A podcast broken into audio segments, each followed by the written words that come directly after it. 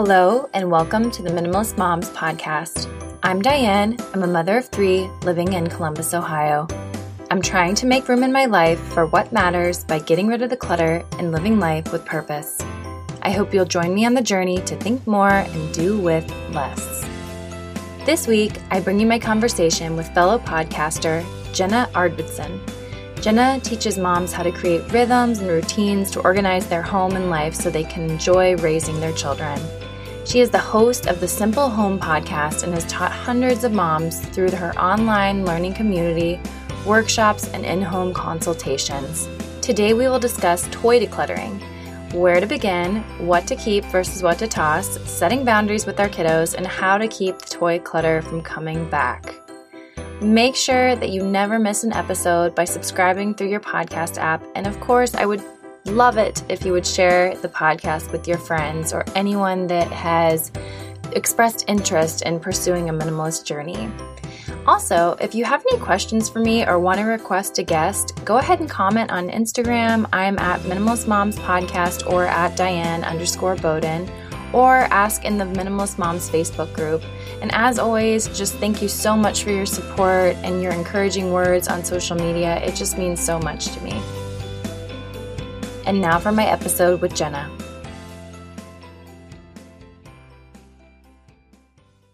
Jenna, thank you so much for joining me on the Minimalist Moms podcast today. Oh, yeah. Thank you so much for having me. Yeah, I am really excited to talk about toy decluttering because so many moms have asked me to do an episode with this topic and it's just it's about time. It's a minimalist podcast and so I'm excited to talk to you. But before we get into all of that, can you just provide listeners with just a brief overview of who you are and what it is that you do? So I live in Colorado with my husband and we have 3 kids, ages 8, 5 and 4. Um, and I host a podcast also. It's called The Simple Home. And I just give practical tips to simplify managing a home and raising kids, very similar to your podcast as well. Because I just feel like, I don't know, my dream, I guess, would be that we would change our mindset kind of as a society. And mm-hmm. I think mm-hmm. moms are kind of the place to start just from serving our stuff to serving just the people that are in our lives, our people, our most important people and I just want moms to make space for themselves for what really matters to them without all the pressures, you know, and the clutter in our minds and mm-hmm. clutter in mm-hmm. our houses. So mm-hmm. that's kind of the purpose behind behind my podcast. Um, and I'm also a photographer, so I get to take pictures of lots of wonderful families here in my area, and I also get to teach moms how to use their cameras to capture some of their in between moments of motherhood. So yeah. That's great. I'm actually a photographer as well. So we're like two peas in a pod, podcasters and oh, photographers. Wow, that's great. Yeah. That's excellent. But as you said, you're a fellow podcaster and you are all about simplifying and living with, with less. So I don't need to ask you whether or not you're a minimalist. I can pretty much assume that you probably are. But I'm curious to know what prompted your journey, so to speak, into minimalism. Sure. So I don't really have like most people I talk to have like one moment in their life where they're like, okay, I'm a minimalist now and I need to change what I do. But I don't really have that in ours because my husband and I have always um, kind of appreciated the idea of living in smaller spaces and being careful with our money and trying to be clutter free. But then we had our first kid mm. and we had like the best of intentions to keep that simple living mindset, you know, and keep everything real simple. And so much stuff came with our kid. We lived in 350 square feet at the time. So we really felt the impact of all the toys and the clothes and the gadgets. And um, I am not like, it wasn't just other people giving that stuff. I went out and bought all the stuff.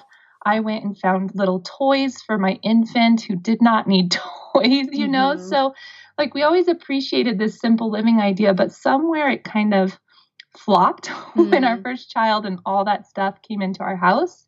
And then we had our second child and our third child. And I realized really quickly that we, if we didn't make a deliberate effort to keep that stuff at a minimum, that it was just going to keep coming. So we started kind of getting rid of stuff. Mm-hmm. And the more I got rid of, the less stress I felt as a mom and the easier it was for me to be present in my life and to stop picking up all the time and constantly saying to my kids, just a minute, you know, I got to pick this up or clean this up. So, you know, we kind of started out as people who were interested in minimalism. I guess I don't know that we really used that term then, but mm-hmm.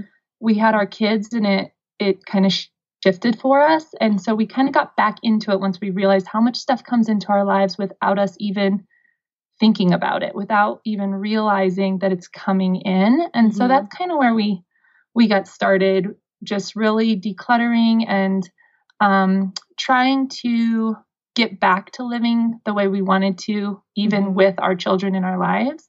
Um, and we also decided that we really wanted to be completely debt free. So that was a huge um, shift in helping us keep stuff from coming back in because we were being very careful with our spending and our budget at that point. And so having that goal helped us help our kids as well, teach them why we didn't spend money on stuff as much because we had these bigger goals and and stuff. So that's kind of like we've kind of gone all over the place mm-hmm. to bring us back to being able to be minimalists mm-hmm. or however you want to put it with children.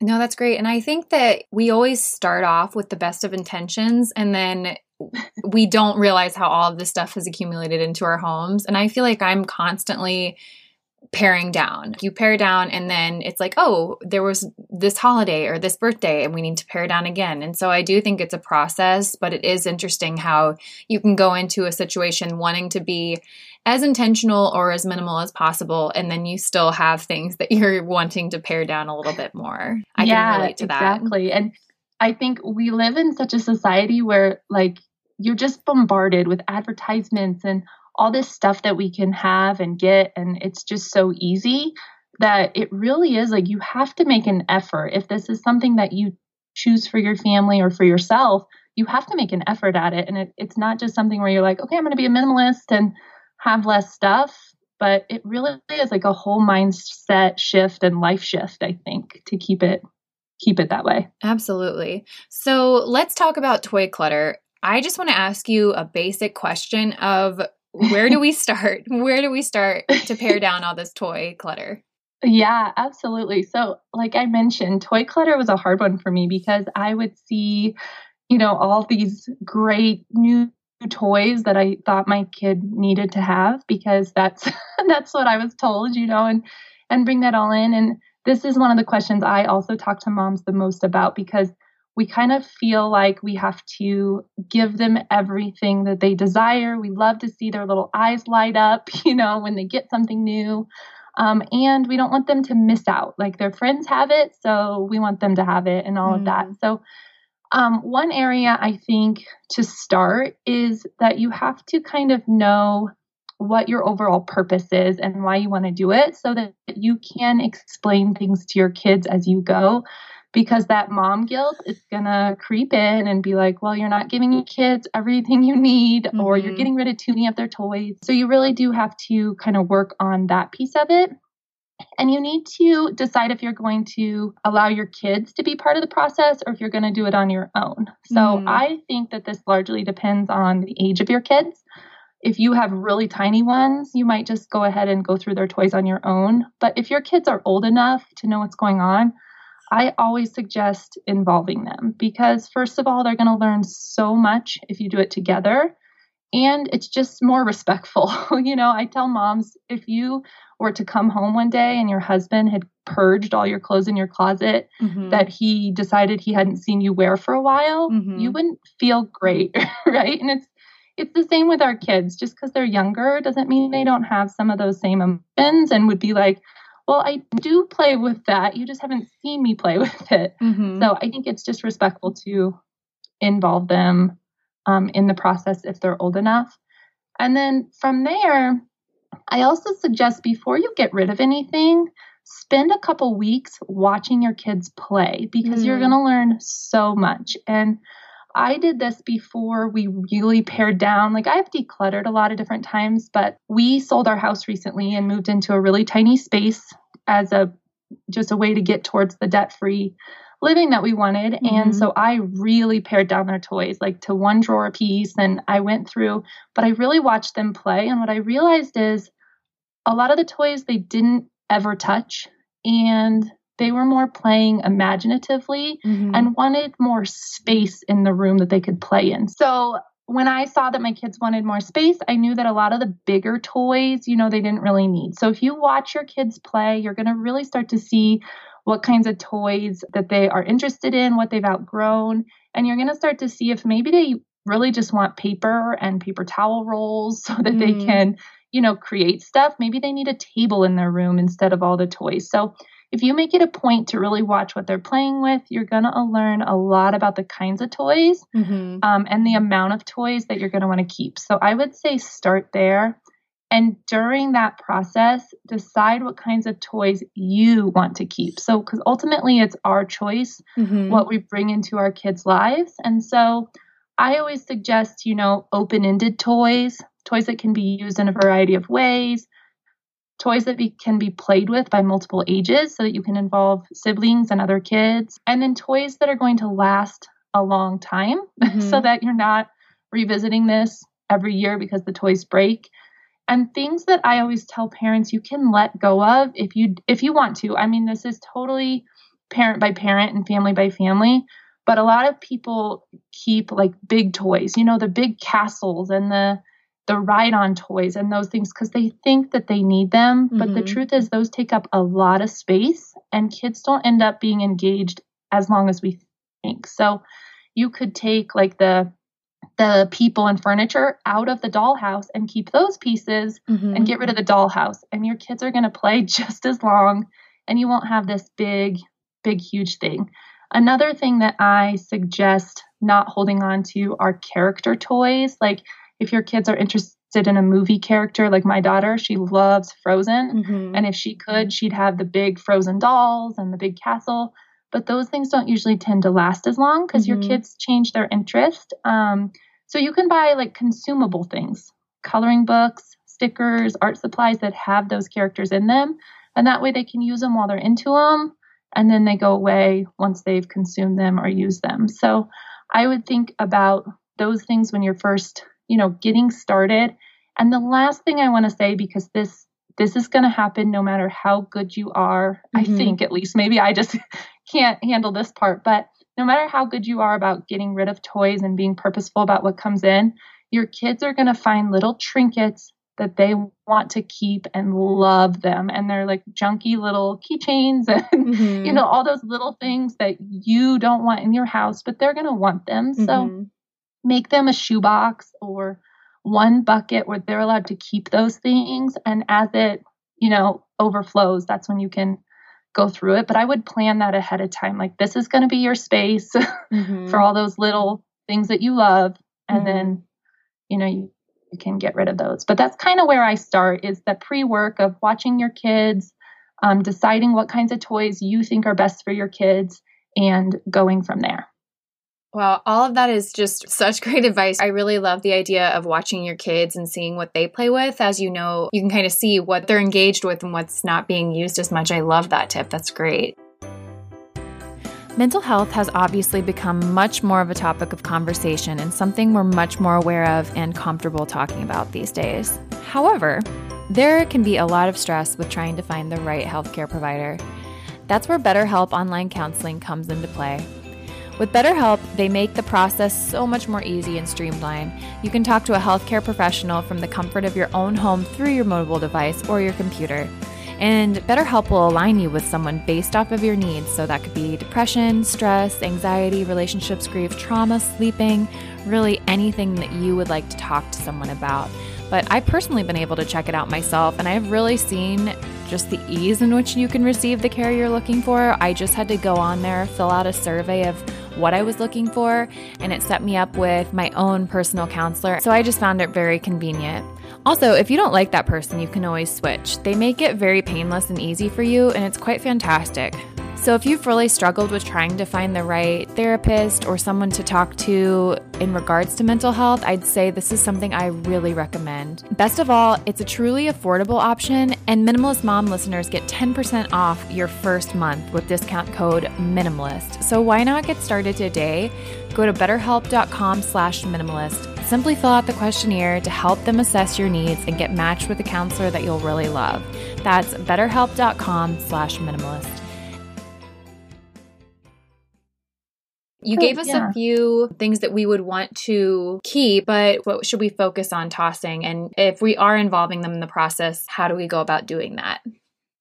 Sure. Yeah. So I like to ask myself some questions and ask my kids some questions. So I um, I created a little checklist for your listeners just in case. And if you want to link it in the show notes, you can. But mm-hmm. I didn't want them to have to remember all these questions um, because, you know, we're always doing dishes or something when we're listening to a podcast. But yeah, that's great. Mm-hmm. I have some questions I ask myself. Um, a couple of them are like, do I like this toy more than my kids do? this mm. is a mm. big one for me because I've been known to hold on to toys because I'm dreaming that one day my kids are going to love them as much as I do, like wooden blocks, mm-hmm. or, you know, there's been several toys that I just want them to love and they never play with them. Mm-hmm. And so I have to ask myself that question and get rid of those toys that you're more invested in than they are. I ask myself things like do they play with it often?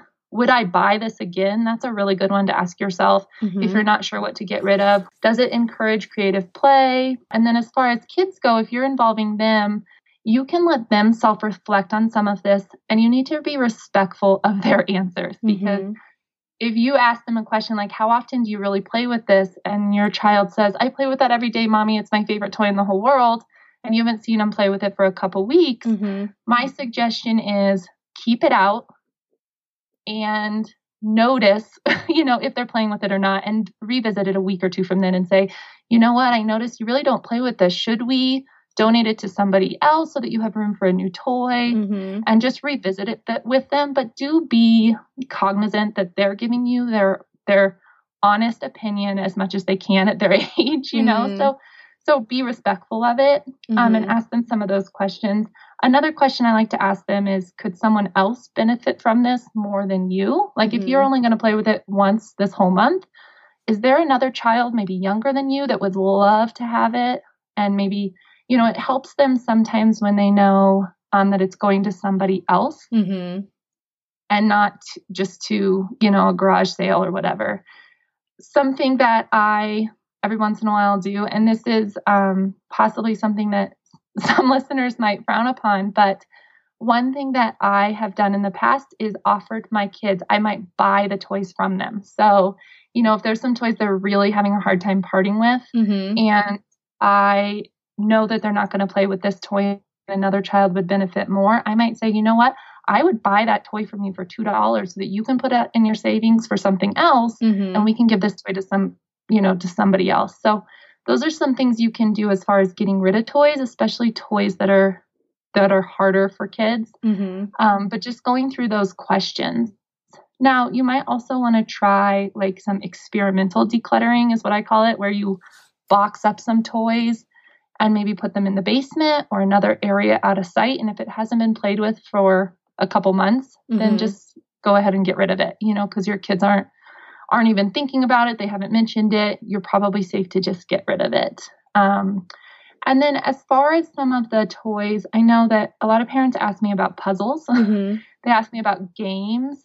And what I like to say so, games are a huge part of our family. We play games all the time. Mm-hmm. So, we keep quite a few games, but we trade them out on a regular basis. Okay. And same with puzzles. You know, keep one to two puzzles and find a friend that you can constantly trade with mm-hmm. or donate them to the thrift store and then go inside and buy one or two more mm-hmm. something like that so that they're being traded out often mm. um, yeah so those are just some suggestions i know that sometimes it can be really hard one of the things we need to remember about kids is that they have this amazing ability to put personalities and give like souls to their toys, their mm-hmm. stuffed animals and their little people figures. They really think of these as like live humans, mm-hmm. like friends to them. So it's harder for them to get rid of things sometimes. So we just have to be, um, you know, respectful of that and help them. It's often easier for them if they're giving it away to somebody they know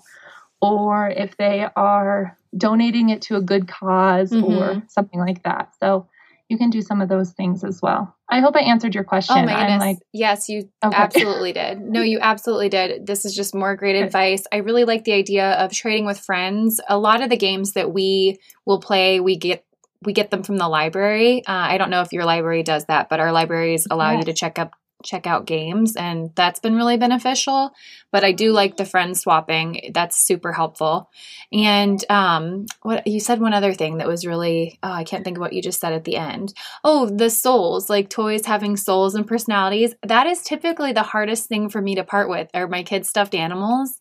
I don't know why. Maybe i've seen toy story too many times but I'm always like, I'm sorry, but it's we have to get rid of you. But I know. I can relate to that.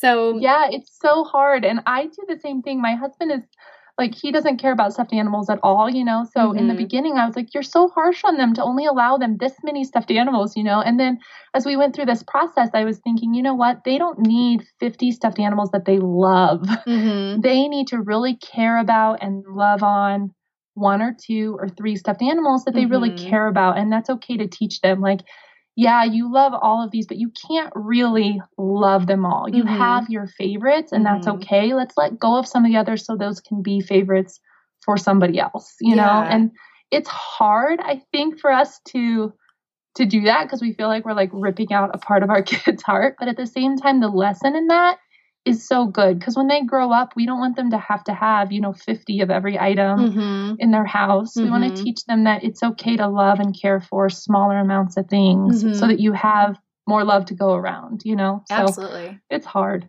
no, that's that's a great boundary. And I was going to ask you about other boundaries that you set in regards to toys. Do you have other I guess not rules, but boundaries that you set?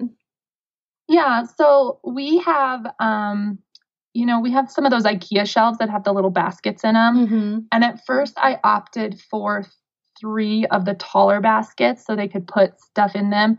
And then I realized stuff in bigger baskets just gets kind of lost. Mm-hmm. so then we went to, I think it's six, because I think there were like two small ones per thing, like six smaller. They're like four inches deep. They're not very deep at all. Mm-hmm. And we have two shelves of those. So that's 12 buckets.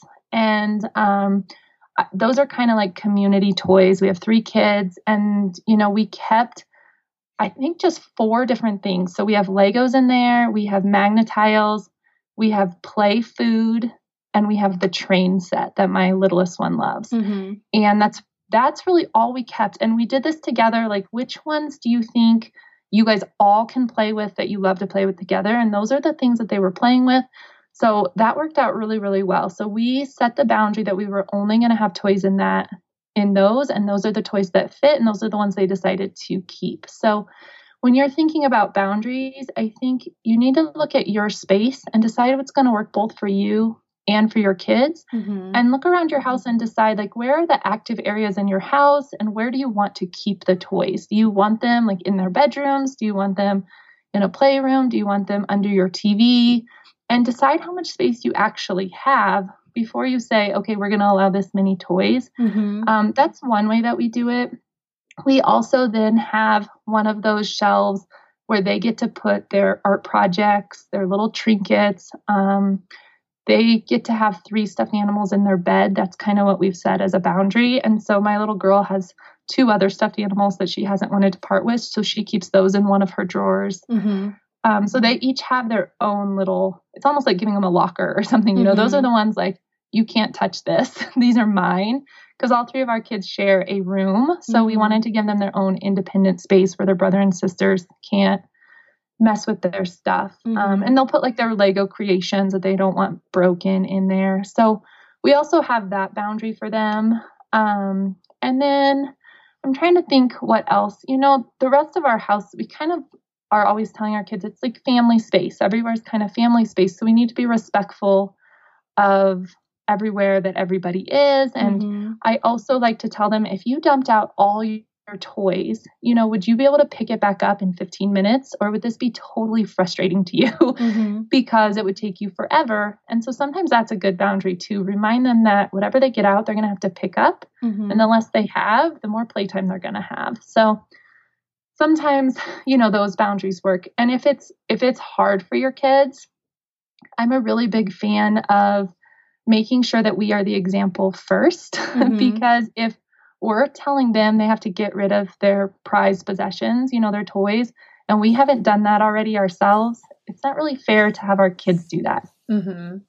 no i agree. Leading by example is huge. I always say that in regards to when people ask me about their spouses being on board, I always say maybe start with your own stuff and then your spouse will follow along and they'll you can just lead by example. I feel like that's very helpful. Absolutely. I think definitely kids buy into that for sure. Mm-hmm. So do you have yeah. any other suggestions on how to keep toy clutter from coming back? sure. So I have a couple. This is a hard one and this was really hard for me at first, but I think um you know, one is to always revisit at like holidays and birthdays, making mm-hmm. sure that you know more stuff's coming in. So help your kids beforehand to get rid of some of their old stuff, whether it's donating it or whatever that might be. Make that kind of a, a family ritual that you just do before holidays. Mm-hmm. Um, another one is talk to your friends and family about your desire to have fewer physical things in your house because they don't know this unless you really explain it to them. Mm-hmm. And it's going to take a lot of time. so, you know, talk to them about fewer things and ask for things like experience gifts or consumable gifts. I'm a big mm-hmm. one on art supplies or Play-Doh. You know, things that that end up going away after mm-hmm. they've used it are always great, or things that they can go do together. Mm-hmm. And then another one is to stop bringing home free things like water bottles you get at festivals or little trinkets from the dentist's office. Like help your kids learn to just say no to those things mm-hmm. before they end up in your house because once they're in your house your kids love them forever mm-hmm. but before they get there they're going to forget about them before they even got home so mm-hmm. try to say no more often yeah. to those things yeah on the front end as opposed to the back end it's much easier to say it up front before you have to have that dialogue of why yeah. we can't do that at the dentist's office so no those right. are all right yeah, those are all really great tips. And I just wish that I could take this episode somehow and like wrap it up in a little box and like hand it to so many of my friends just because there was just so much in here that is just going to be so beneficial to people. Oh, so I appreciate it. Oh, um, sure. Well, where can listeners find you if they want to connect with you online? So I, um, again, I have the podcast, the Simple Home Podcast. So you can find that anywhere there's podcasts, iTunes or um, Google Play, and so on. I also have a website called athomewithkids.com, which my podcast episodes will be there, as well as any other free resources and stuff. And um, lastly, I hang out a lot on Instagram. So that's where I kind of get to know people. So you're welcome to follow me there. I am at Jenna Arvidson on Instagram and DM me and say hi. Let me know you heard this podcast so we can chat more about toys there. So great. Well, as we wrap things up, I'm going to ask you the two questions that I ask every guest. And the first one is What is something that you're simplifying right now? AKA, what is your minimalist moment of the week? So, right now, I'm really working on simplifying our budget and our finances. So, just kind of looking at each area to see if there's anywhere we can cut or eliminate costs, like monthly costs that we've forgotten about, or just streamline our spending a bit, um, just to make that easier and I don't know, it's always good to to relook at things that you just get used to. So yeah, that's definitely important. I think that can get out of control at times too, and then you just have to rein it back in. So that's a great yeah. thing to simplify. Um, and then lastly, last question for you is what is something that you can't stop talking about? So you kind of touched on this earlier, which is interesting to me. Um, utilizing your local library is what I'm just constantly telling moms to do. Like the games you said, I mean, there's just so much available. There's online courses, there's audiobooks you can be listening to. There's so much more than just the library itself. There's moms groups and all kinds of stuff at lots of different libraries. So I just think utilizing all those free resources, keep some of that stuff out of your house, going there to play, all those kinds of things um, just simplifies our life so much. So just utilizing that resource if you have it. Yes, I know here in Columbus, we have such a great library system, and we are at the library probably two or three times a oh. week, I would say. So that's a great resource yeah. to offer to people. Hmm. Absolutely. You, oh, sorry. I was I was like, did you I lose you? Um Great. Well, thank you again, Jenna, so much for coming on the podcast today. I will be sure to include everything that you mentioned in the show notes for listeners and send them your way if they have any more questions about toy decluttering. But this was great, and I really appreciate your wisdom in this area. Oh, great. Thank you so much for having me. I had such a fun time chatting with you. So thank you. What did you think of my conversation with Jenna? As I said in the episode, and it was kind of silly, but I just really wish that I could just take this episode and gift it to other people, not because of anything that I necessarily did, but just because I thought her wisdom was so beneficial in regards to how we can begin decluttering toys. And just there were several things that I hadn't even thought of prior to her mentioning it. And I think one of the biggest takeaways for me was just to include my kiddos in the decluttering process. That's something that I haven't ever really done. I kind of do it secretively and I just thought it would be easier, but I do like the idea of respecting their boundaries and the things that are special to them. So I thought that was great. And then I also love just observing them to see what they're playing with. I think that often we're making these decisions kind of on a whim and then I think that's when emotions escalate, I guess, with our kids. And so I think that if we can observe them and see what it is that they're playing with and kind of get their feedback, then we can make those decisions together, which goes back to giving the kids a little bit more respect in this decluttering process as we're creating foundations of minimalism in our homes. So, what did you think? I would love to hear what you have to say about this episode. I invite you to keep the conversation going by visiting minimalistmomspodcast.com. There, you'll find the links to the Instagram account, Facebook page, and where you can find me all around the web. Thank you for joining up on this journey. I wish you a lovely week as you think more and do with less.